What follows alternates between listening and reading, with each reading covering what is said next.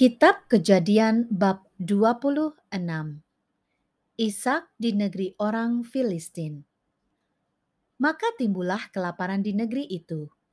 Ini bukan kelaparan yang pertama yang telah terjadi di dalam zaman Abraham. Sebab itu Ishak pergi ke Gerar kepada Abimelech raja orang Filistin. Lalu Tuhan menampakkan diri kepadanya serta berfirman, janganlah pergi ke Mesir. Diamlah di negeri yang akan kukatakan kepadamu. Tinggallah di negeri ini sebagai orang asing. Maka aku akan menyertai engkau dan memberkati engkau. Sebab kepadamulah dan kepada keturunanmu akan kuberikan seluruh negeri ini dan aku akan menepati sumpah yang telah kuikrarkan kepada Abraham ayahmu Aku akan membuat banyak keturunanmu seperti bintang di langit. Aku akan memberikan kepada keturunanmu seluruh negeri ini dan oleh keturunanmu semua bangsa di bumi akan mendapat berkat. Karena Abraham telah mendengarkan firmanku dan memelihara kewajibannya kepadaku, yaitu segala perintah, ketetapan, dan hukumku jadi tinggallah Ishak di Gerar. Ketika orang-orang di tempat itu bertanya tentang istrinya, berkatalah ia, "Dia saudaraku." Sebab ia takut mengatakan ia istriku. Karena pikirnya, jangan-jangan aku dibunuh oleh penduduk tempat ini karena Ribka, sebab elok parasnya.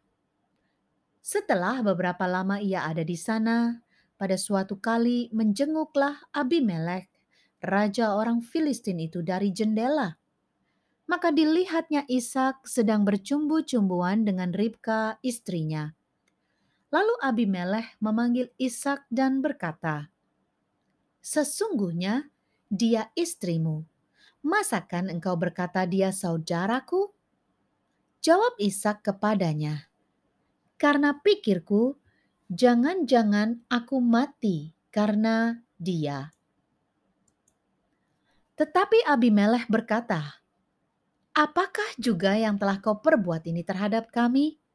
Mudah sekali terjadi salah seorang dari bangsa ini tidur dengan istrimu, sehingga dengan demikian engkau mendatangkan kesalahan atas kami. Lalu Abimelech memberi perintah kepada seluruh bangsa itu, Siapa yang mengganggu orang ini atau istrinya, pastilah ia akan dihukum mati. Maka menaburlah Ishak di tanah itu, dan dalam tahun itu juga ia mendapat hasil seratus kali lipat. Sebab ia diberkati Tuhan. Dan orang itu menjadi kaya, bahkan kian lama kian kaya, sehingga ia menjadi sangat kaya ia mempunyai kumpulan kambing, domba, dan lembu sapi, serta banyak anak buah. Sehingga orang Filistin itu cemburu kepadanya. Segala sumur yang digali dalam zaman Abraham, ayahnya, oleh hamba-hamba ayahnya itu telah ditutup oleh orang Filistin dan ditimbun dengan tanah. Lalu kata Abimelech kepada Ishak, pergilah dari tengah-tengah kami, sebab engkau telah menjadi jauh lebih berkuasa daripada kami. Jadi pergilah Ishak dari situ dan berkemalah ia di lembah Gerar dan ia menetap di situ. Kemudian Ishak menggali kembali sumur-sumur yang digali dalam zaman Abraham ayahnya dan yang telah ditutup oleh orang Filistin sesudah Abraham mati disebutkannya lah nama sumur-sumur itu menurut nama-nama yang telah diberikan oleh ayahnya. Ketika hamba-hamba Ishak menggali di lembah itu, mereka mendapati di situ mata air yang berbual-bual airnya. Lalu bertengkarlah para gembala Gerar dengan para gembala Ishak. Kata mereka, air ini kepunyaan kami, dan Ishak menamai sumur itu Esek, karena mereka bertengkar dengan dia di sana. Kemudian mereka menggali sumur lain, dan mereka bertengkar juga tentang itu.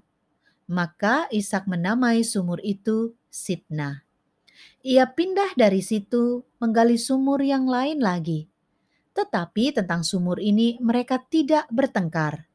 Sumur ini dinamainya Rehobot.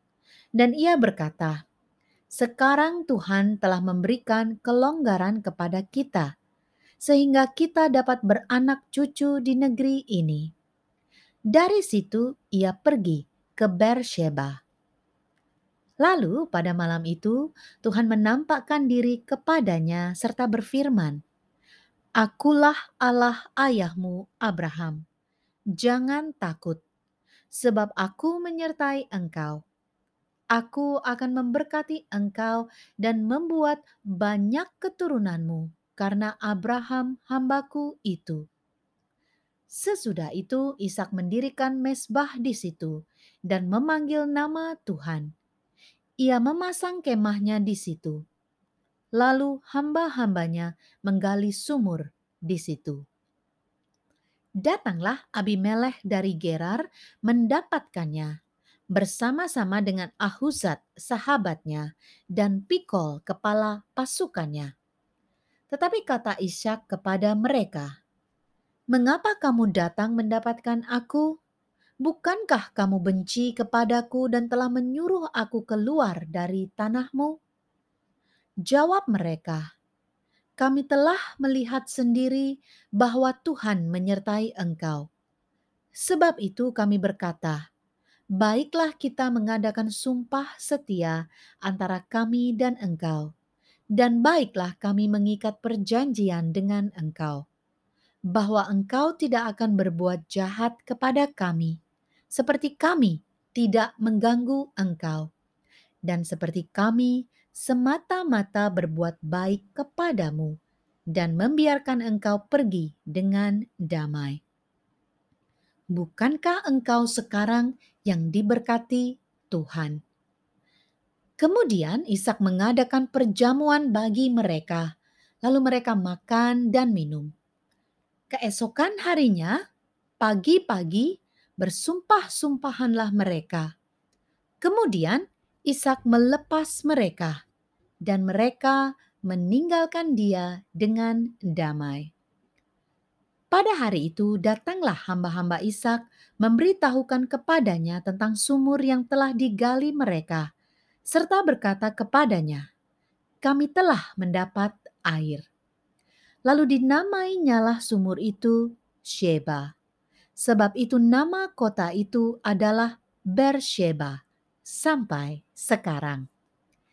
Ketika Esau telah berumur 40 tahun, ia mengambil Yudit, anak Beeri orang Het, dan Basmat, anak Elon orang Het, menjadi istrinya. Kedua perempuan itu menimbulkan kepedihan hati bagi Ishak dan bagi Ribka. Demikianlah sabda Tuhan.